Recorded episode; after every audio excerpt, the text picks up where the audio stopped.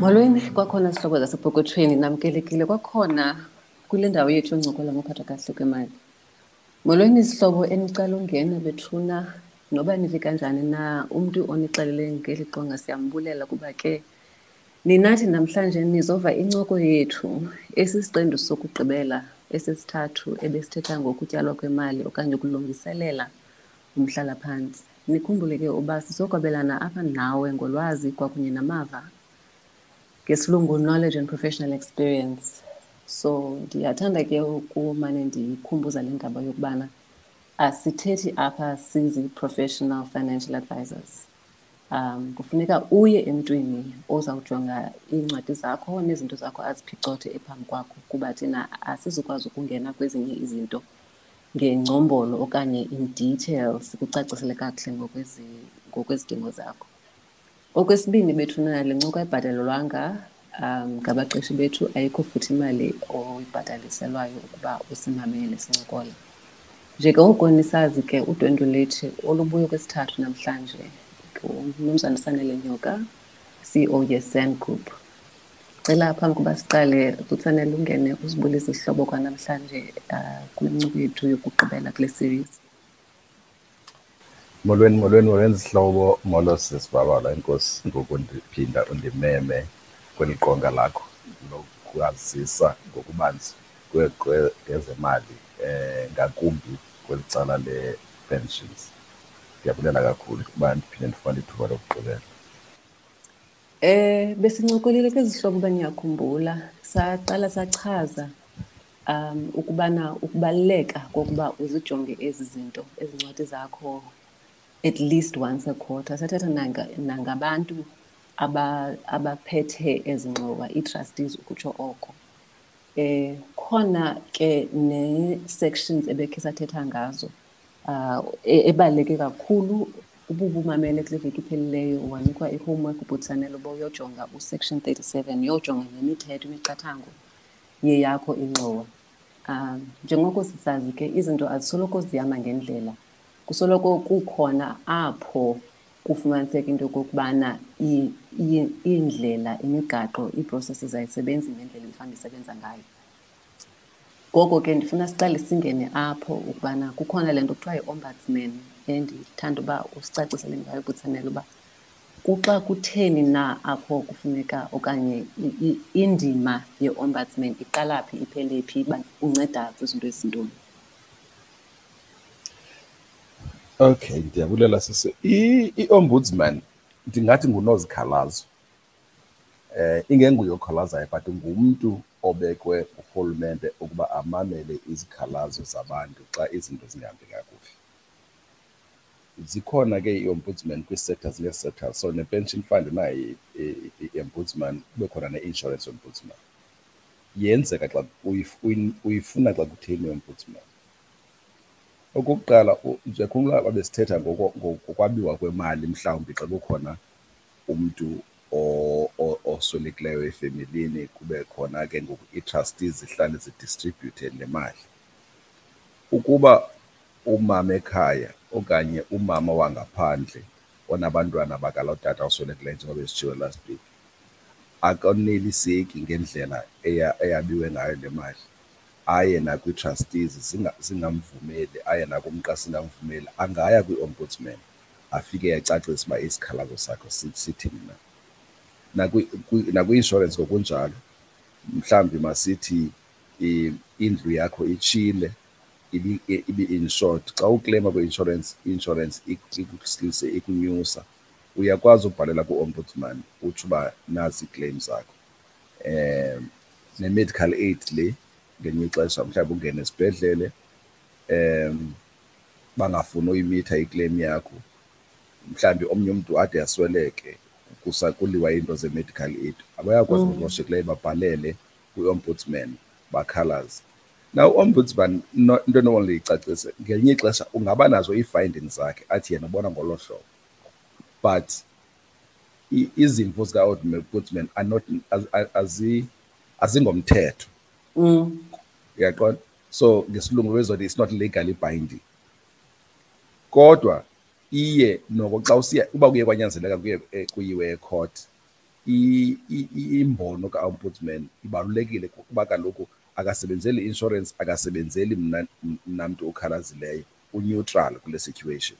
So mm. icourt iyithathe very very seriously into ye-ombudsman. Kwelinye igame ke abanye ezinye i-insurances mhlawumbi nabanye abantu abatyala imali once i-ombudsman ibone ngaloo ndlela baye bakhawulise baqonda uba abafuni ude baye ecourt kuba ne-reputation yabo izaba tarnished baye baqonda uba mabavele bakhawulise bayilungise loo nto leyo. So ibaluleke kakhulu indima ka-ombudsman because kuye ke ngoku oba ngurefri yabona?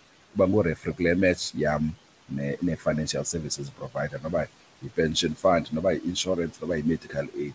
Nantsi into babayigalayo bajonga ii-facts and then kwezo facts basuke bajonga uba ngomporokoko right? Bangafind against wena uyi-complainant bangafind against i-insurance into enceda kakhulu apha eluntwini kukuba mhlawumbi asinayo imali emagqwetheni kube mhlawumbi udilishana nenkampani enkulu lena ezawuvele ifuna emagqwetheni uyakwazi ke ngokuthi wena kuba ungenayo ezi mali uye koombuddsman ibe yiyo easesayo uba ithini imeko. So noba awubagobanga izimvo zabo ubenze bavumelane nawe. Noko uluvo lwabo luyamanyelwa ziinkundla so yinto futhi engabhatalelwayo uba ndiva kakuhle iinkonzo ze-ombudsman. Kakuhle iyanisile sisibabalo um azibhatalelwe iinkonzo ze-ombudsman. Um njengoba bendisitsho ndiyavumelana nawe uluvo labo lubalulekile kakhulu. Um njengoba ndisitsho uba ngurefri so um kubalulekile kakhulu uluvo lwabo ezinkundleni zamatyala Oh kube khona omnye umba ke ngoku bendikhe ndafunda ngawo apha emzukwini le nto kuthiwa i-unclaimed funds kuthiwa zinyukile. Kukhona i-forty-seven billion rand yepenshini iimali zabantu ababesebenza ingakumbi ezimayini nakwi-manufacturing sector um ekungaziwayo ukubana izalamane zabo ziphi kuqhagamshelwane kanjani nazo? Buyele ke kwizihlobo le nto besiyithethile kwizicento ezidlulileyo into yobana xa ugcwalisa ezaa forms ayo-admin nje kubalulekile uba umane rhoqo uzi-update ukwenzela uba kungakhangelwani. Um ndicinga uba le ndaba ye-unclaimed benefits noko isichaphazele kakhulu kuthina abantu abantsundu kuba kaloku sithi abantu abanabantu abasebenza ezimayini abasebenzela ndizawuthi um le misebenzi ephantsi ekungathi ngenxa yokungabikho kolwazi okanye imfundo abantu bangayazi into yobana ubhuti utamncu utata ebebhalisile. Um ziyenyuka ezi mali. Andazi noba yenziwa yinto yokubana iinkampani azi-investi i-effort okanye azenzi unako nako ngokwaneleyo ukukhangela abantu. Um umntu osimameleyo mhlawumbi onesizalwane okanye isalamane esakhe sasebenza ezimayini okanye umntu nje athi njengoba simamele amcingayo uba tyhini unoba unemali ekhoyo kwezi forty-seven billion singakhe usincokolele uba angaqala angaqala njani na kuba siyayazi uba thina ngoku sisasebenzayo. Kufuneka ukuze singabikho kula manani abizwayo funeka siqinisekise into yobana sibhalise amagama abantu esifuna bakhontakthwe xa kunokwenzeka into ngathi ungacebisa ngelithini okanye ukhe usintluvise kule ndaba ye-unclaimed benefits uba sithini kanye kanye xa kuba ngabantu bethu xa ndicinga abaneemali ezihleli phaa ezidingwayo ke phofu ngabantwana babo neentsapho eziseleyo. Yho. Hayi ke ngumcimbi omkhulu lo uzana uthena ucatshiswe ngiba namhlanje imibuzo yakho ithanda baqatha um um ngumcimbi onzima omkhulu lo we-unclaimed benefits eh wena sesibabalo. And ayichaphazeli kuphela abantu mhlawumbi babesebenza kwii-mines um kuba kaloku ezinye iinkampani so kuneenkampani apha eMzantsi Afrika ezinkulu ezi nkampani ze-insurance zonke. So ii-unclaimed benefits azikho necessarily kweze-pension kuphela. Kukhona neze-insurance uyakhumbula ngo wawuthe wawungena phaa emsebenzini una-eighteen una-twenty-one mhlawumbi uhambe phaa kulaa nkampani.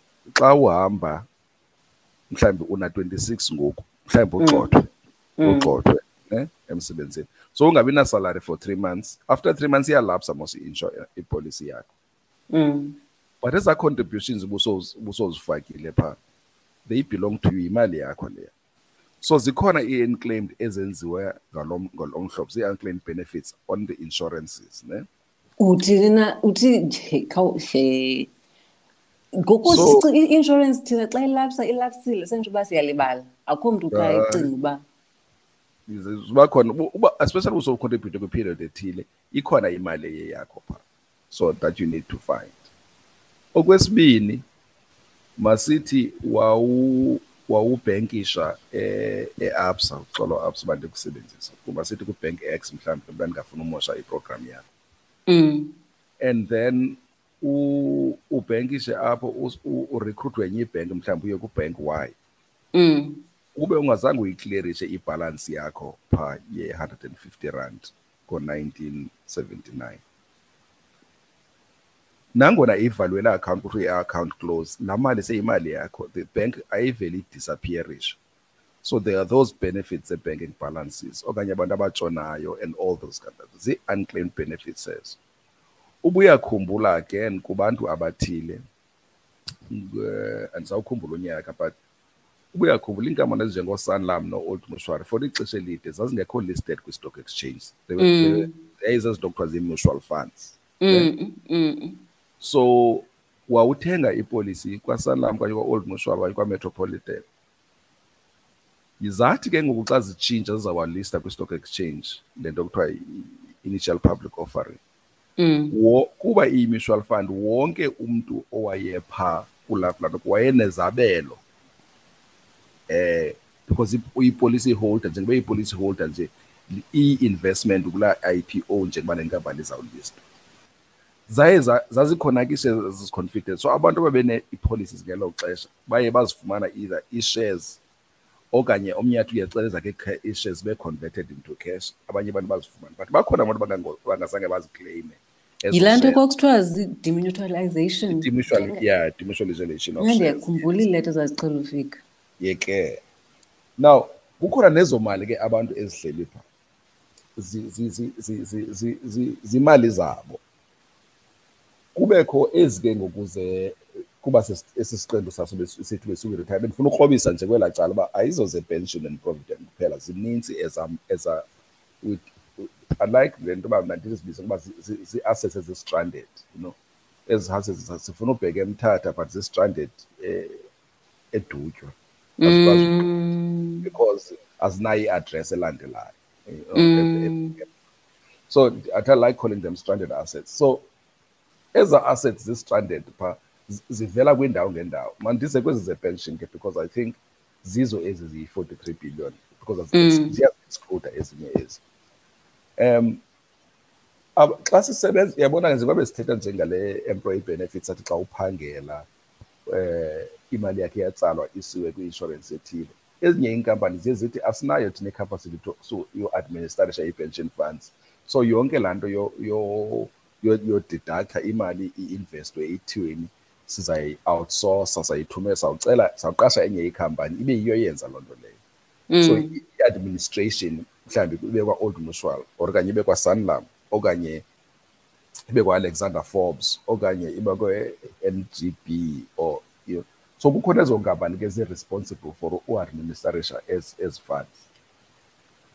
Ngoku le nto ndithi ma- ma- masingayilimithi to abantu be-mines because usenoba usebenzela i-private company but no private company ipension yayo iadmi- iad- iadministrarishwa ngu-alexander forbes okanye ngu-sanlam employee benefits okanye ngu-old mutual employee benefits so nakweyiphi imisebenzi kodwa xa uhamba bengakufumani kulaa process i-administration let's say for into eyenzeka umzekelo sisibabalo umntu mhlawumbi uyaretrenchwa emsebenzini ne? Mm, ithi inkampani kuba kudala usebenza apho sakunika iveki okanye iiveki ezimbini for unyaka nonyaka awusebenzileyo so ke utolo abone efumana le mali ininzi aqonda uba engaki imali zange ndiyibone.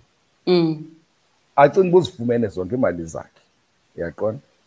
Angayoyikleyima ipension because laa mali ayisuki kwipension isuka kumqashi uthi heyi undigcinile dla ngamandla iminyaka eyi- engamashumi amabini usebenza kum. So iveki neveki ondisebenzileyo kule minyaka inga ndiza kunika i-ten thousand. So all of a sudden ngoku ndifumana i-two hundred thousand okanye i-five hundred thousand zandayibona ndayibona imali engaka because mninyanga nenyanga ndiqhela uzifumana le two thousand five hundred yam ndicukuceze ndithenge into zam. Ngoku all of a sudden nale mali engaka ndicinge ke ngoba nezi zepension imali zikule retrenchment package. Kanti ayikapheleli. Kanti ayikapheleli. Ndihambe ndiyohlala pha kungabikho nto ke ngoku eh, kuba ke ngoku ngelinye ixesha ndithi xa ndifumana laa mali ininzi ndingunolali nje wasemgqumo ndithathe imali yam ndihambe ndiyothenga igusha ndiyothenga inkomo ndicide uba ngumfamanyana opha ndihoye ezo zinto. Uba ndandibhalisa uba ndihlala ehostel ethile kwalanga akho akho address icacileyo inam. Eh ndandi mhlawumbi ndandiye nakuloo kapa ndisasebenzisa incwadana yokundwendwela before kube khona ii-IDs mm. book of life. I-book of life. Eh so ngoku xa besithi bayanditracka kule data kule database andifumaneki because ayikho le ID number yafika ngo-1994 and ndisasebenzisa incwadana yokundwendwela okanye i-book of life yam ngelo xesha and i-address yam ebendibhaliselwa semsebenzini mhlawumbi ndandibhatele u-P.O. Box 20 B ongena-physical address okanye ndabhalisa i-address yam yakwalanga. Xa befika kwelanga bafika sihleli phasi singotolo noqwathi sibaninzi you know ihostel igcwele.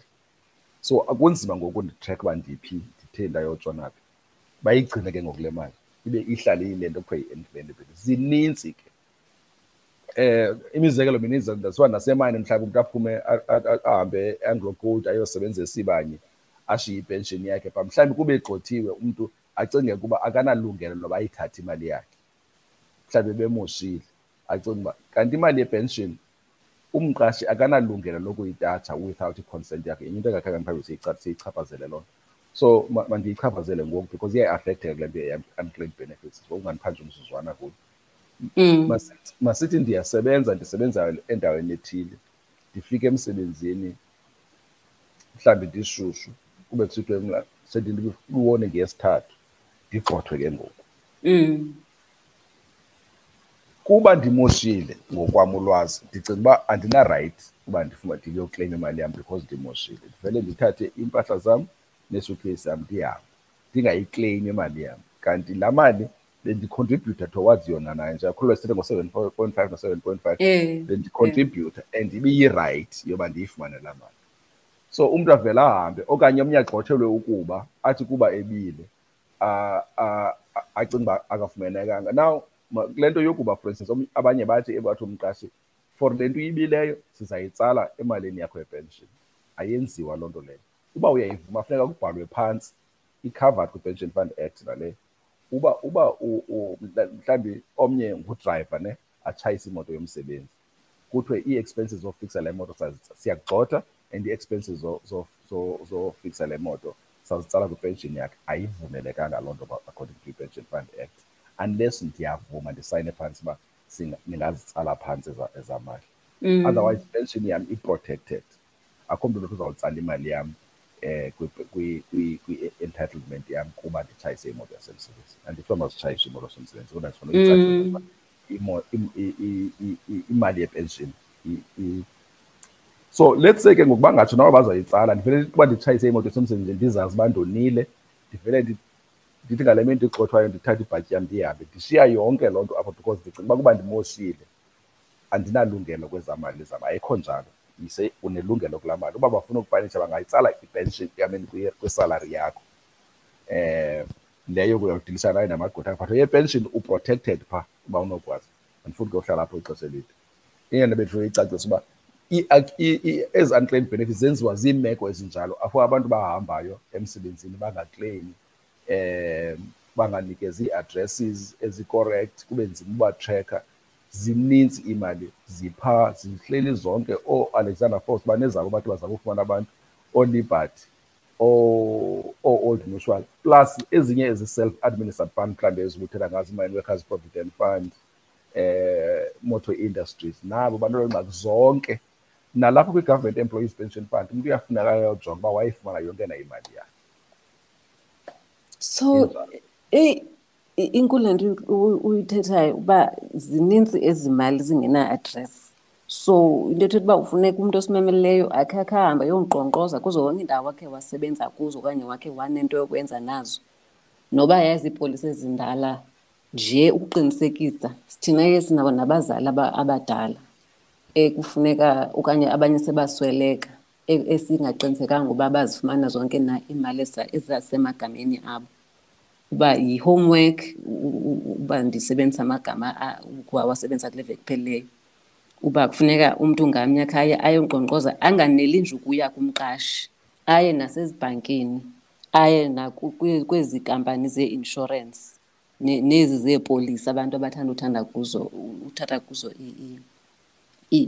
iipolisi uba ukhe kuyoxoxwa phaa uba akho mali na engaba inceda abantu abasalayo okanye kumntu especially umntu osengekho ngoku. Ndicinga uba usivule amehlo ngale ndlela uyibeke ngayo yobana ingayibhanki ingayi-inshorensi ingayi-pension fund sentsho laa forty-seven billion bendiyifunde ephepheni ayoyepension kuphela. Njalo. Sebenzeke lula ke sesibhebha kunyanzelanga noba baye emqashini kukhona iqumrhu elilawula utyalo lwemali ebizwa i-Financial Sector Conduct Authority. Banewebsite yabo. Xa ufika kulaa website uyakwazi uklikha on unclaimed benefits. So bangaya ku-fsca.co.za .gov eh bajonge uba ithini na imeko bazawufumana zonke iinkcukacha phaa. Zo ii-administrators ke zona zonke zinayo i-tab ethi unclaimed benefits. And bayabuzwa ukhona into oyicingayo uba unemali and then basho bafake i-ID and everything.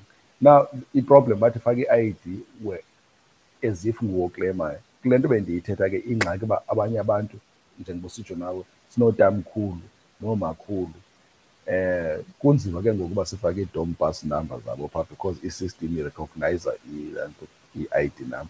Kodwa ke khona i-opportunity ubunga-explaina ubhala uba yintoni. So abantu abane abanethamsanqa loba babe nabo babo-understand obucubhecubhe beekhompyutha bangangena ke phaa. Okanye bathathe abazukulwana abantwana bethu noko nabazukulwana sebezibone ezi zinto. Um babancedise.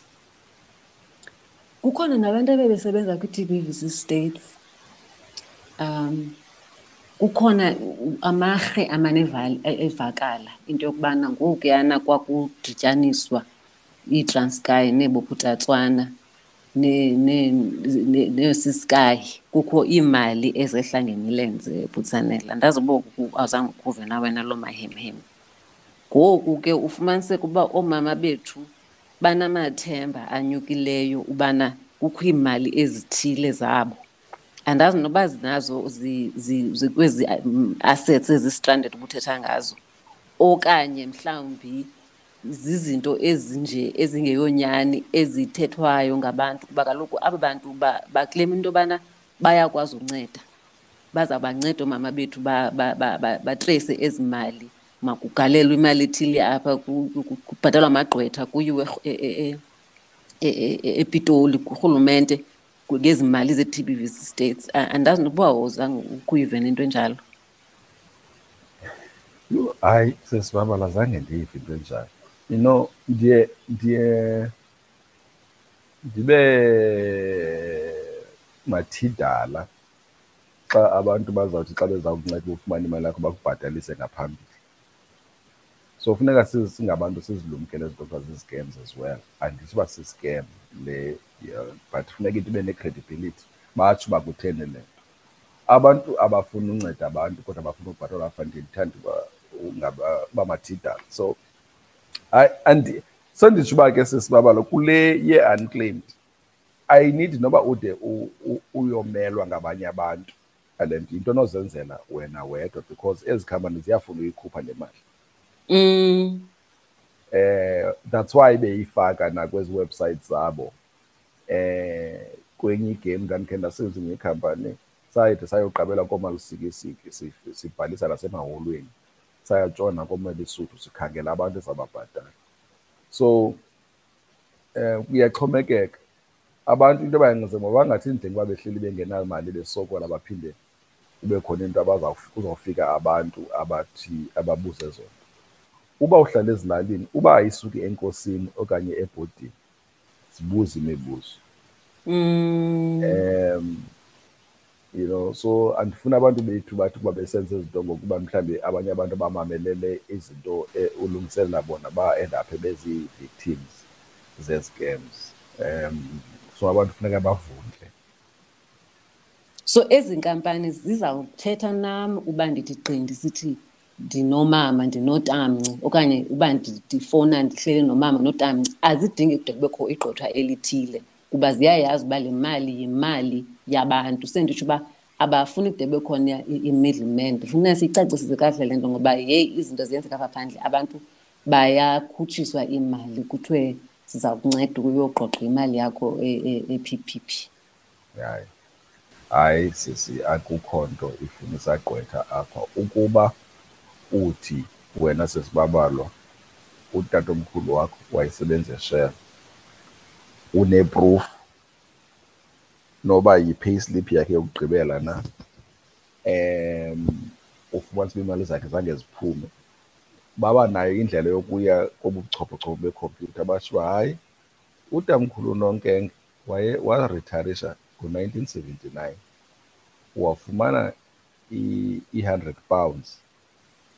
Eyabhatalwa ngedate ethile babe nabo bobuchophololo so uba bakubonisile u- u- njengoba njenza umzekelo ngoku kusasihamba mhlawumbi sisiya komalusikisiki nakolo suku waye babekhona abantu babeza bathi hayi utatam wayesebenza e-anglo gold. Si- si- siye kwikhompyutha sithi ke ewe siyambona utatomkhulu. Wayesebenza wasebenza ngalo nyaka wayotsho ngapha. Nantsi imali yakhe wayifumanayo ngemini ethile. Eh nantsi imali yakhe wayifumanayo ngemini ethile. So ayisekho imali yakhe.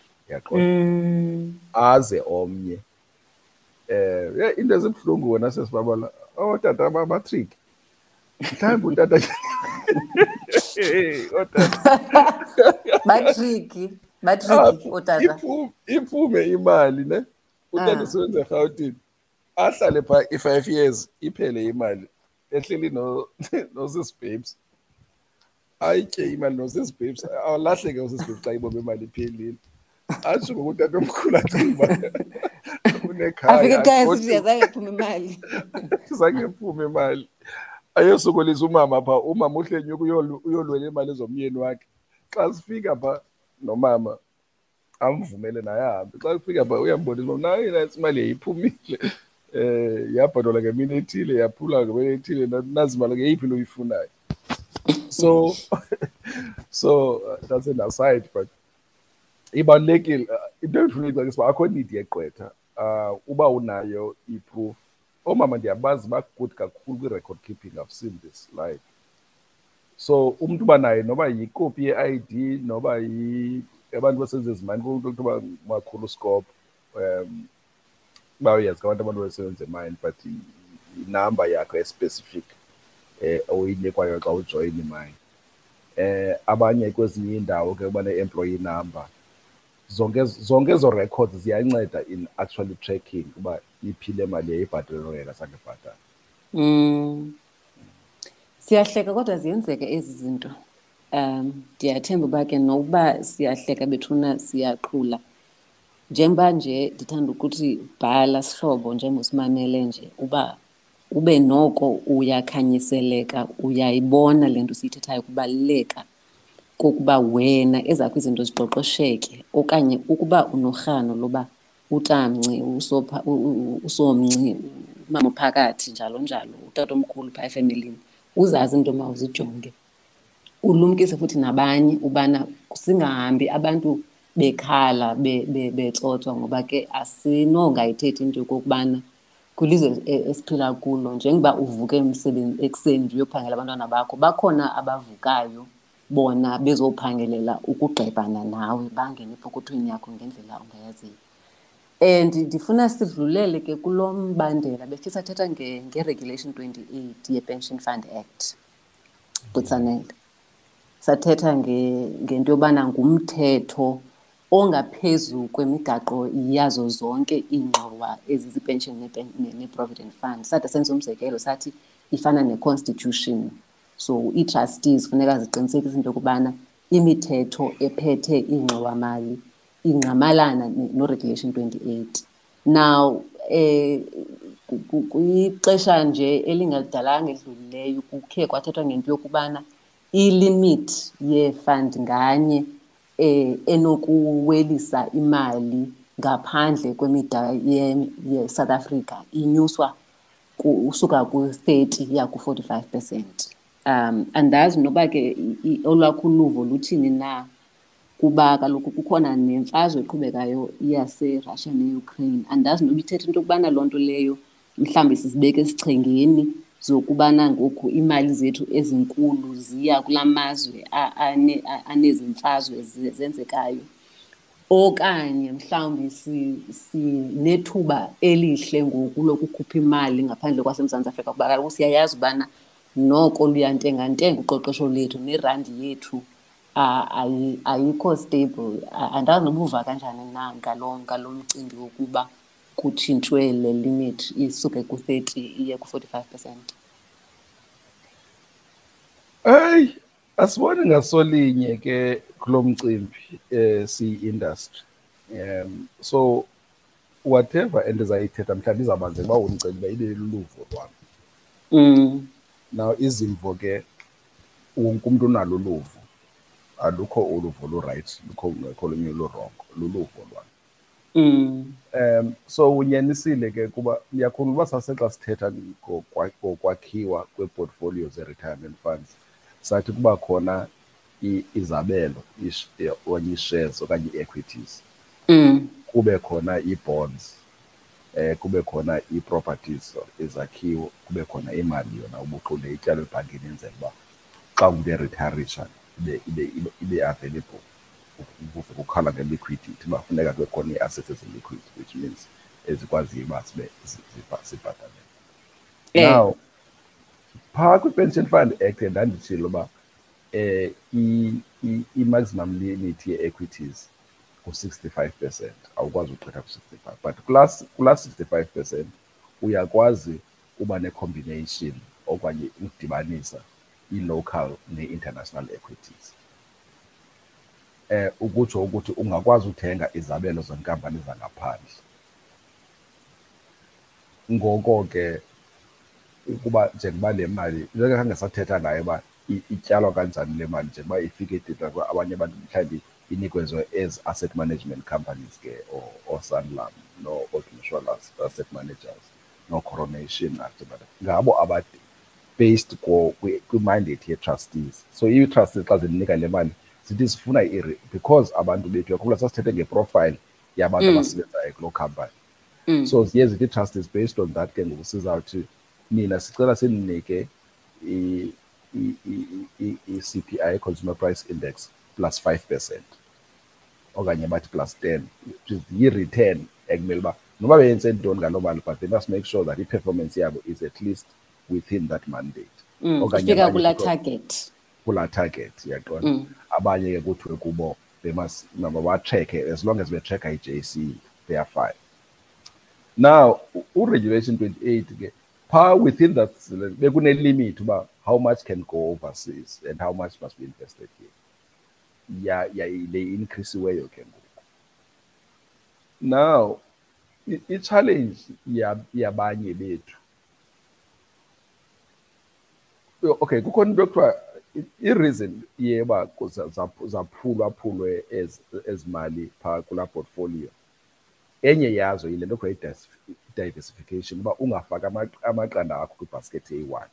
Mm. because if uwafaka wonke kwi-equities uba ii-equities ziyawa okanye izabelo ziyawa which means iyafa yonke laa mali kanti mhlawumbi ufumanisa uba i- i- i-equities kwenye igame ii-bonds zawuperforma different way i-equities so iye incedise ibhalanse i-portfolio kukhona enye ilevel ye-diversification ke ngoku within i-asset class as well i-asset class ke iba zii-shares zi- zi- zii-bonds zintoni kwaphaa ngaphakathi kwi- kwi- kwii-shares uyakwazi ukuthi udiversifye further U- for instance enye- enye yee-levels ze-diversification yokwahlula la maqanda. Ukwahlula a- a invested locally apha eMzantsi Afrika na-invested phesheya eh kube khona i-component yase-Africa now i- ingxaki ke sometimes kukuba singaba Afrika siye sicinge ukuba into zaphesheya zingcono kweegqithe zethu. Mm. So siyathanda ke into yoba sithi si oh imali yami iphesheya kwathi but ingxaki asikwazi uzibona iindaba zeenkampani zaphesheya. So sixhomekeke kwezi companies eziranwa isikakhulu ngabantu abasuka kula macala. Ngoku so basibasele esi story basithengisele ezi zikelem bafuna zizibhaye. Si- Ngamanye exactly. Uyaqonda ngoku mna xa ndilapha emzantsi afrika ndiyazi uba imali yam mhlawumbi i-investwe old mutual. Xa kusithiwa kuya kuyaliwe old mutual i-ceo iwa ne-board member na ndiyakwazi ukwenza idecision uba yeyi ndicela ndiyikhuphe imali yam kulaa nkampani because isezithivini every day. Ndicela ndiyikhuphe imali yam kulaa nkampani. Kanti uba imali yam ikwa-a t and t uba kuyaliwa kwa-a t and t soze ndiyibhaxe because ayizuripotwa ifayida kwa-a t and t mhlawumbi ku-e-news okanye ku-s a b c okanye Mm. i-dispatch. So andi so ndixhomekeke ngoku ku- kwimeko yabantu aba- aba- a- endingazaziyo. And siye sikhu- sikhu- sibhilive ukuba i- i- iimarket zaphesheya ziphefoma ngcono kunezethu ngamanye amaxesha ngamanye amaxesha ziphefoma so wenze umzekelo ndiwuthandayo lo wo- lo waserussia. Ngoku ieurope yonke ayise- ayonto yaserussia ne- ne-ukraine ngoku le nto. Ieurope yonke ithe dyobho kulaa kulaa mfazwe. Kulaa mfazwe uba ke ngoku u- uzawuthetha ne-portfolio manager yakho mhlawumbi ubuze uba emadoda kulaa offshore portion yam iz- izithini indaba? Uza mhlawumbi uzawuxela uba hayi kaloku you must remember ku-equities si-investor for the long term. Izawugqitha le mfazwe which inyaniso emsulwa le. Izawugqitha le mfazwe ezi- usemncinci izawurikhavarisha le mali. Um so ixhomekeke ke le nto kulaa nto besikhe sathetha ngayo phela qela sasicela sithi i-risk appetite yomntu. Mm. isibindi sakho singakanani? isibindi sakho singakanani? Yaqonda yayo ndiyandinceda so i- i- ay- akho nto izayitshintsha kangako. It, it, all it means is that sizaba expose aba, abantu bazawuthatha iimali zethu bayozityala phesheya. Na uxhomekeka uba uyayithanda naloo nto okanye ayithandi but iphinde ibuyele kulaa nto sasiyithethile sesibabalo uba abantu mabaparticipate kwii-meetings ezidilishene nokutyalwa kwemali uba kune- kune- kuze companies because ii-companies ezinyanzeleke ziyokwenza i-feedback uba le mali sasiyithathile i- asiyithathayo siyityala apha kuni iphefome njani. Abantu mababuze imibuzo uba nanithini zenu yoyityala phesheya imali yethu? Zikhona iinkampani zalapha emzantsi afrika you know? Yonke loo nto. So lilonke akho nto itshintshileyo. Bezihl- bezihleli zityalwa ezi mali phesheya wena sisibabalo ngoku into eyenzile olu vulo lukhoyo ku-regulation twenty-eight. It just says that you can ungatyala more than uwetyala before. Now u- whether that's a good or a bad thing ixhomekeke kwesasibindi sakho uba uyayithanda naloo nto. Kubekho neye ngoku eh, eh, eh, ebithethwa ingathi kus- kuthiwa ku- ku- kuzawunikezwa ithuba lokubana imali efakwa kwi kwi-infrastructure utsho ukuthi um ii-projects zophuhlisa uba ngabe ngalo hlobo. Um nawo loo mathuba azovulwa. Umntu aphinde acinge into yobana tyhini ndiyarhafa apha.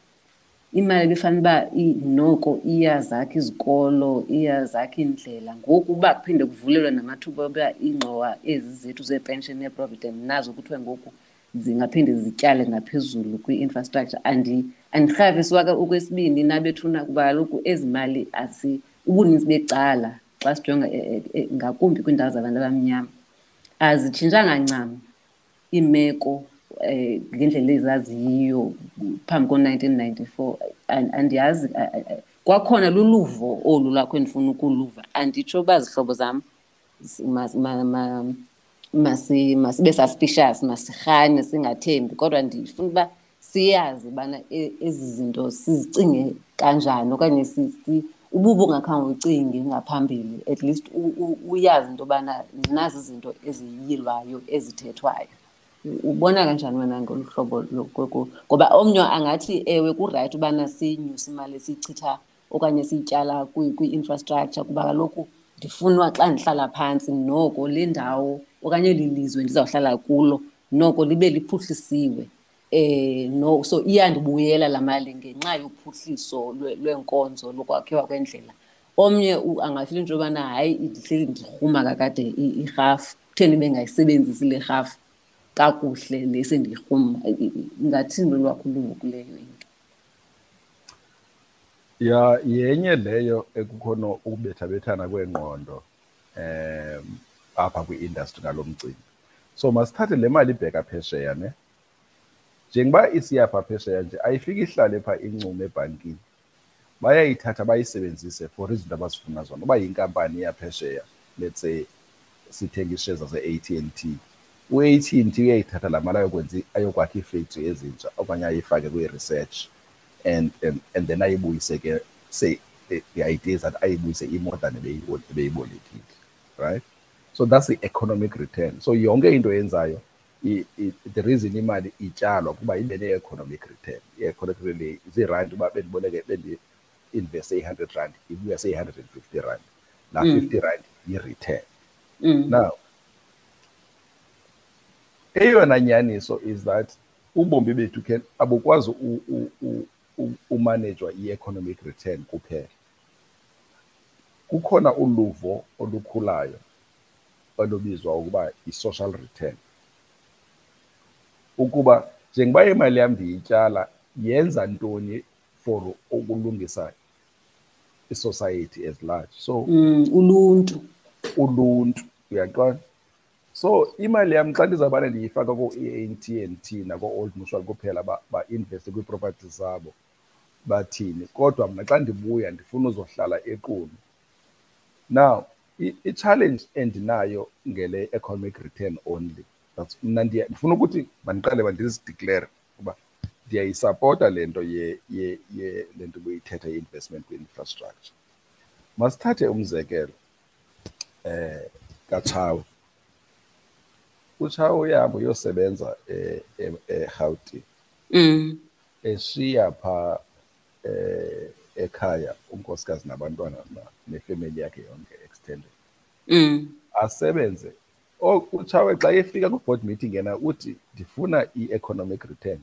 Akho mali izawunikezwa abanye abantu apho ndifuna i-hundred yam yam ibuyi-hundred and fifty rand. Asebenze ke le minyaka abuye nale million rand ayohlala nayo pha ungutata omdala ngoku unesifuba eh zimkhobozile mines. Xa ke fika eh umntanakhe usafunda kwesa sikolo wayefunda kuso yena utshawa mm. Akho laboratory kodwa uyayazi nje ngoba bepha emine nje bedla ngobani okusuka into ezithile zisiwe lab akayazi noba kwenzeka ntoni pha lab. So umntanakhe naye usekulaa meko wayekuyo ngoku ngoku wayekhula njengoba engaphilanga nje funeka ye kwagqirha ikliniki ekufutshane is 50 kilometers away. So funeka ehambile utshawe elixhego enjalo aye kude uzawufumana uzawufumane uncedo. Akho nto itshintshileyo iigusha zakhe zisasele emlanjeni njengakudala kusalayitwa amakhandlela njengalaa ndlela ekhula ngayo. Kodwa imali yakhe ibididakthwa every month i-investwa emazweni nakwii-private companies kuphela. Kanti ndithi mna ngokokubona kwam imali ye kule nto yorhafu masibuyele kule nto yorhafu ndizozidibanise nakweliphi na ilizwe sisibabs? Imali yerhafu ayikhe ibe enough ukumitha izinto ezifuna ukwenziwa lilizwe masithathe nalapha kwi-household. Soloko kushotha njengalapha kuwe efemelini um uyakwazi uba uba uthenge ixamba leswekile nele milimili kule nyanga ikhona into ezawushota mhlawumbi isishebo sizawushota uh, okanye usipho iifees zakhe zazibhatala kule month kule, kule nyanga ezayo. So kuxhomekeke nakwibhajethi yakho nento nento ofuna uzenza. So but awukwazi ukwenza uba imali yakho ke izimithe zonke ii-needs zakho. Ngaphandle bokukuthi kakhulu kwe-budgeting which i'm sure you've covered kwezi programs zakho into yokubhajetha nokubaluleka kwe-budgeting. If not maybe it's one of the ideas that you, you need to, to, to think about. Mm, hayi sesithethile. Siyazibhala izibhilivana nezihlobo siyazibhala umntu ngamnye unesibhilivana uba kanesibhilivana unespreadsheet. Exactly. Now norhulumente ke unjalo uba nezinto ezifuna ukwenziwa but ezingakwazi ukwenziwa. That's why kuba kube khona ekuthiwa i-government debt urhulumente ahamba ayoboleka imali. Now i-problem sometimes noboleka imali si-enda pha siyiboleka le mali kwamanye amazwe. Now i-rent ile nto i- i-revenue yethu so u- umrhumo wethu siwuqo- siwuqokelela ebantwini i-tax ngerandi sihambe siyoboleka imali ngedollars. Xa ufuna siyibhatale laa mali ufuna siyibhatale ngedollars kodwa siyikoleka in rand so soloko kukhona igap. Now irand to a dollar yi-sixteen rand. So uyawubona loo mahluko between xa kufuneka ubhatele wena ukoleka so urhulumente uzisoloko eshota kanti uba bekunothathwa ezi mali zi-investwe kwalapha kuthi kwi-real economy. So we can talk about ke i-mismanagement because enye into eyoyikisa abantu endiyifumanisa xa kuthetha ngale nto ukuba yho njengoba sisoloko sibona ezireyidweni every day kuthethwa nge-corruption nemali ezihla ngomlenze imali yam izawuba safe na izawuba safe na? Maske siyibekele bucala loo nto sivumelane ngeprinciple yokuba uku-investa makube broad ungaconcentrate on uba ndizawufumana imiliyoni ezawuthi xa xa sendigodukile ingandenzeli into because iindlela zonakele. Kanti uba as part of i-investment ibikwazi uba kuthiwe um sawuinvesta imali ethile kwi-road infrastructure uh, and then mhlawumbi uba izoba yi-toll i-retirement fund for every ten rand etsaliweyo kulaa toll gate i-three rand yi-return yalaa pension fund. Um so yiyona debate enkulu leyo eyenzekayo kuba ngoku kufuneka sifumane iindlela ezithile zoba sibale ukuba le social return siyibonisa njani. Because eyemali ilula. Eh ngumba endi-interested kakhulu i-research yami i-based kuwo uh, generally there's something called there's so ikhona le invested in infrastructure then kube khona kuthiwa yi-impact investing uba how do you invest for impact? Uba xa uinvesta ungainvesti nje ufuna imali ibonakale into oyenzayo nge-investment yakho because xa utyala imali awuyityaleli nje ukuba kukhule impokotho yakho. Uyityalela noba nendawo ohlala kuyo ubonakala uba ikhona into oyenzayo. Hayi kuyavakala. Yisession yodwa leyo sesibabs ewe ewe hayi. Ndithi kodwa mandiyiveze kuba kaloku si si si si sifuneka siyazi into yobana njengoba uthe masiye kwezi ntlanganiso si si sithathe inxaxheba siyazi uba zeziphi kanye kanye izihloko ekufanele uba sithethe ngazo. Futhi nomntu oza ethetha kakhulu nge-social impact siyazi into yokubana zicacile gca iindlela ezimejashwa ngayo.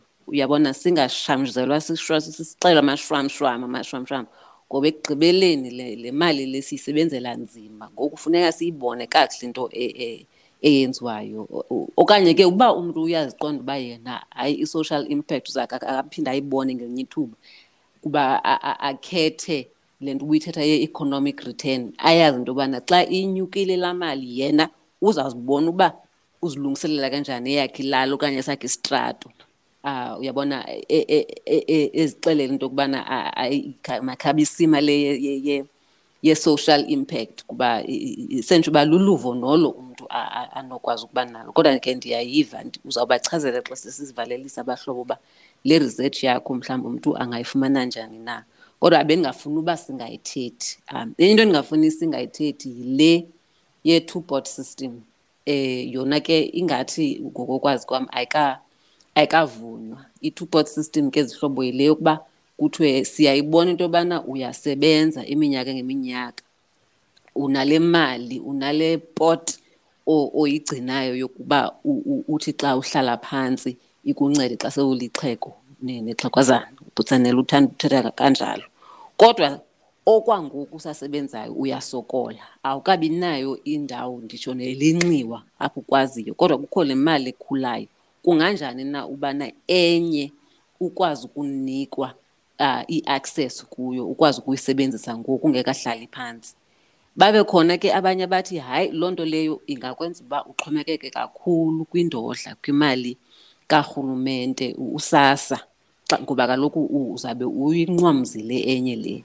Abanye bathi kodwa ke yeyiphi engcono into yokokubana ukwazi ukufumana inxalenye yale mali kwangoku usasebenzayo kuba kaloku nguba noyaziyo into yobana uzawuphila ude ufike kule kule minyaka yokuhlala phantsi mhlawumbi le mali ngoku seyizawutyiwa ngabaseleyo wena ungakhange wena mntu uyisebenzayo ukhe uyive zithini izimvo okhe waziva mhlawumbi okanye wena ukweliphi icala butsanele kuleyo nengxoxo Yho, yho, hayi shem ucaphukisile mntu ocaphukisileyo namhlanje. Imibuzo yakhe iqala. Um sisibabala i unzima lomcimbi eza njengoba ndanditshilo kuqala eh le mali imali yexhego. Nexhegwazana. Kodwa ke iimeko zokuphila. So imbaxa le meko because okokuqala sekuvela le le mbono nje kukuba sixakwe ukwakha imisebenzi. Economy eh sixakwe ukwakha ukwakha imisebenzi njengoku siyabona abantu bayasokola kodwa abantu banemali ezinkulu uh, abazivalile e- e- ezihleli kwi-retirement funds zabo. Now i- i-debate kukuba ukuba e- a- awenziwa lo mnyenyevu abantu into abayenzayo ngoku umuntu uyaresigna kuba efuna i-access to la mali. Yaqonda ibe worse ke ngoku okanye no, not no resigner because uyaqonda mos si- si- si- si- singabantu abantsundu. Ifemeli yam ayindim ndodwa nonkosikazi wam nabantwana bam. Mm, mm. kukhona nabanye. So xa xa u- u- inkosikazi wam iphelwa ngumsebenzi iyashrinka mhlawumbi i-income yalapha ekhaya zibe ii-obligations zona zinga- zingashrinkanga. So ngoku into ef- eyenzekayo ke ngoku umntu aqonde uba xa ndi endeni uba ndiyise kwi-preservation le- fund le mali ngondisaphelelwe ngumsebenzi? Mandivele ndiyithathe yonke. Ndiyidinga ngoku. Ndiyidinga ngoku. Ingxaki Ave- zibiza ngoku. zi- zibiza ngoku.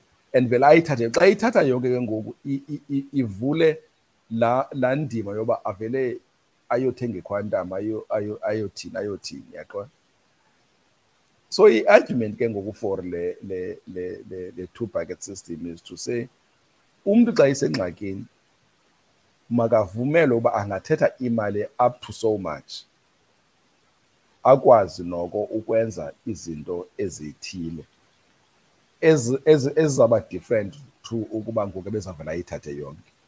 So ba- i- a- so abantu abakweli cala le-two bucket system bathi i-experience xa sisenze research i-eighty percent yabantu abatshintsha imisebenzi umntu xa itshintsha umsebenzi uyithatha imali yakhe yonke akayipreserve.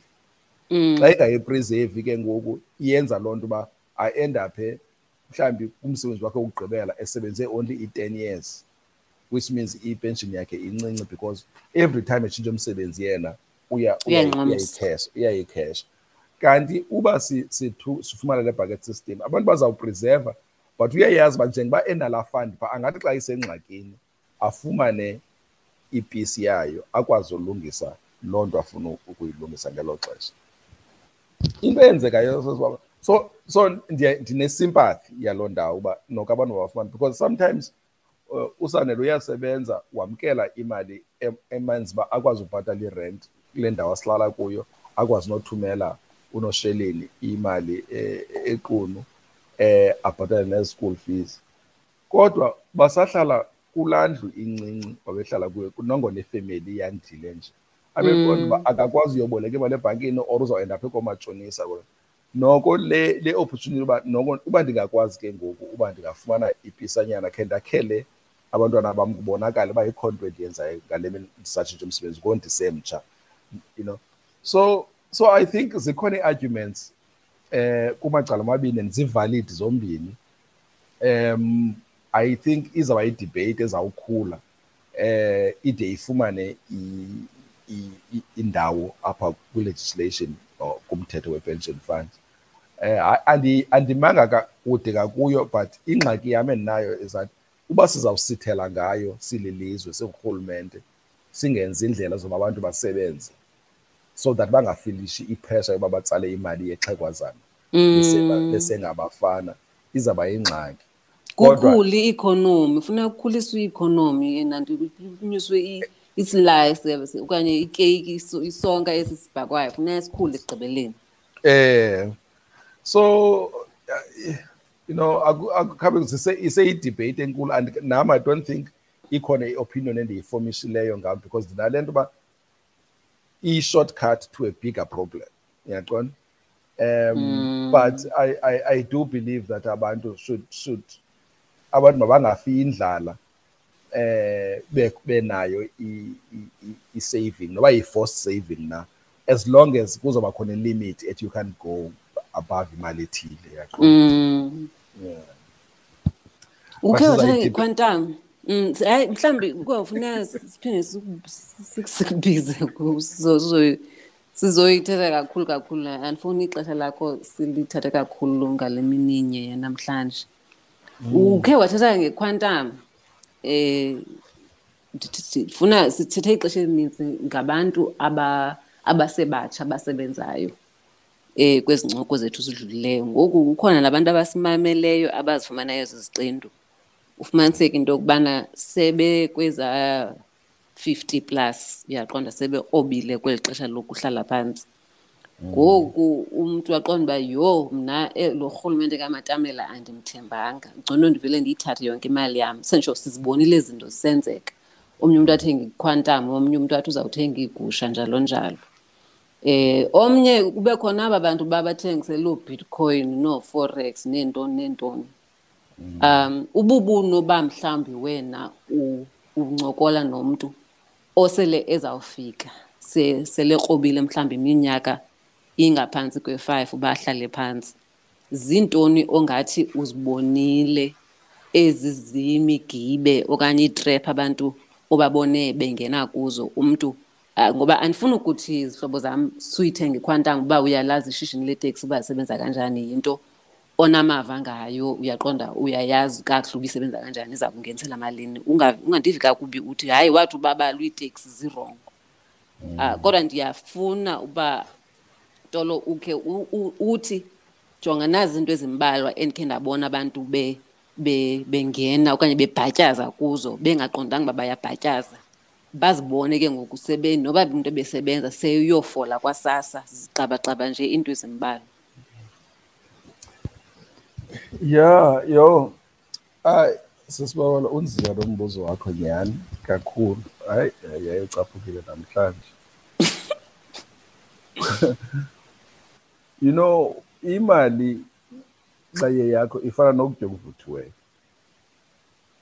and ngelishwa kuba kukhona abantu abakwaziyo xa unemali and basoloko benamacebo.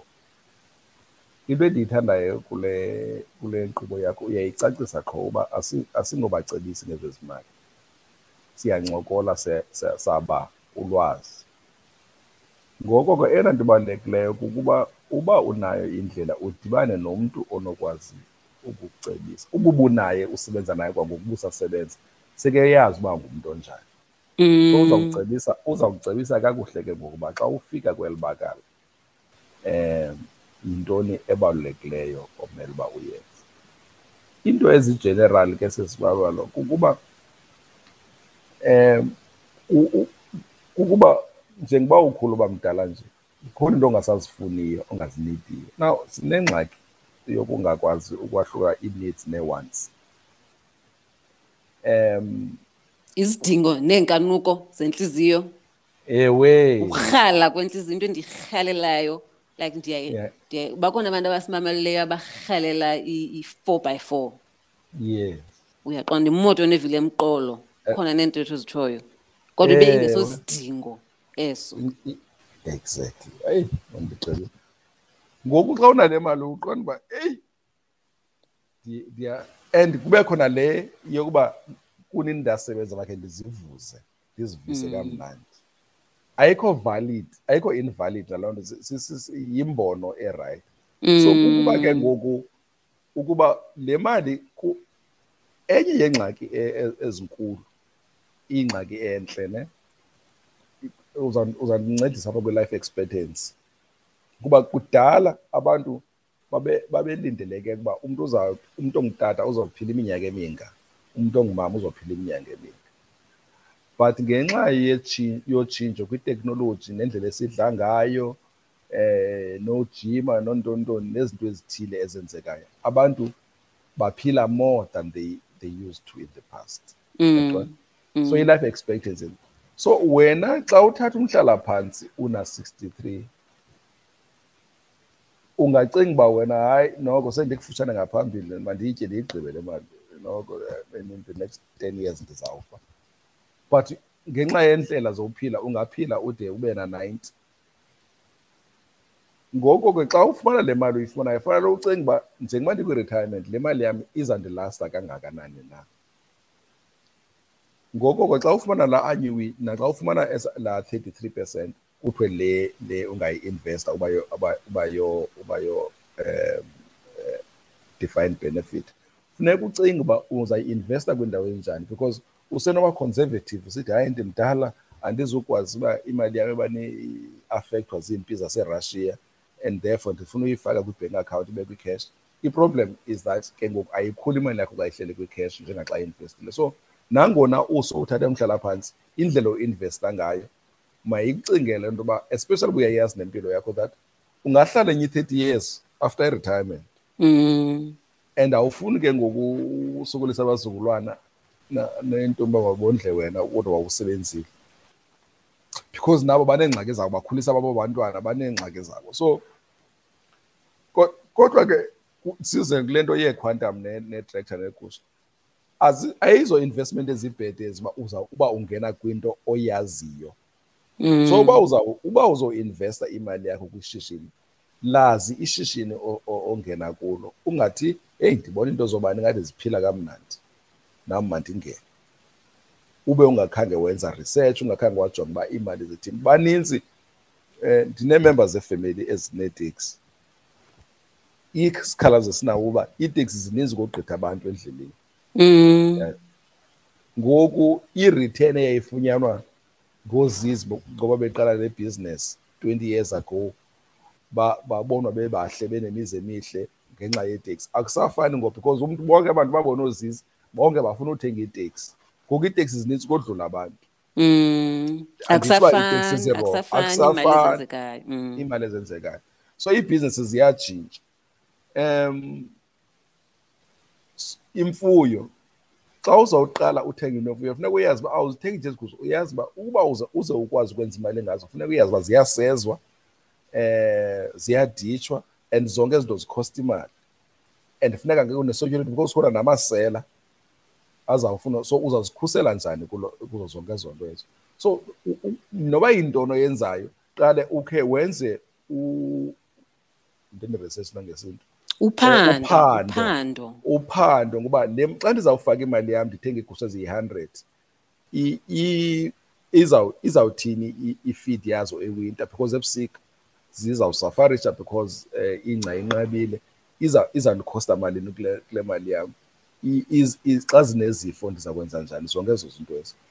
So all i'm saying is that yonke into ongena kuyo yiplane. Yiplani yijonge yenza uphando ungavele ungene nje ungakhangela ngena un- amehlo uwavulile.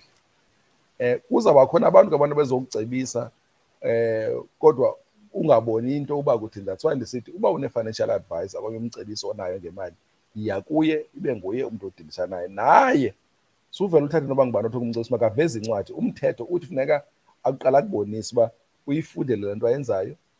Eh eyifundele nje wenza malini ngale portfolio yakho funeka uxele uba uba uthi mhlawumbe uzawuinvesta le nto yimali nazawuyenza yena nga- ngayo so umthetho zi- yibuze le mibuzo uba eh bhuti uthi ngumcebisi wemali ziphi certificate zakho? Wawuyifundele phi Mm, mm. wayifundele phi siphi certificate sakho esithi u- unelungelo lokundicebisa ngemali.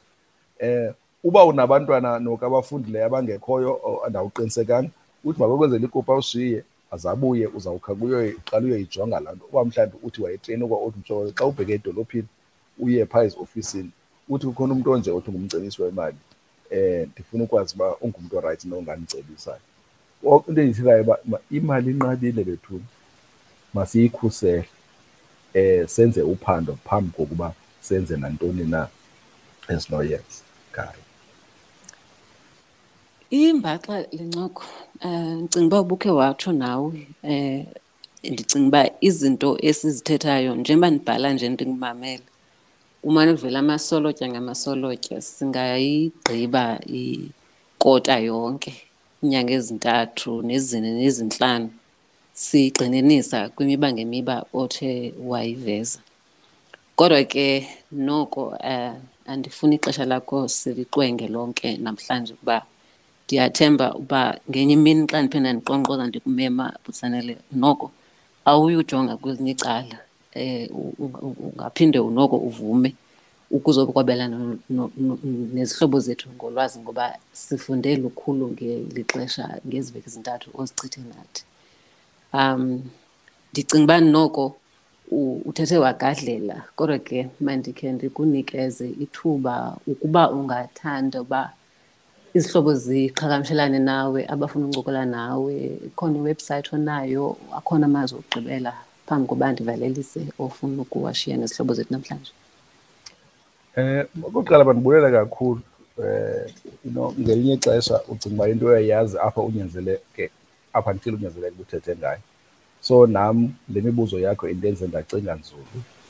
Um ndivuyile kakhulu uba ndibe nexesha lokuthetha nabahlobo. um iwebhusayithi yethu ngu-www sen hyphen group co za ungasi-imeyilela ku-info at sen hyphen group co za nangoluphi na uncedo olumalunga ne-retirement fund um esinokunceda ngalo.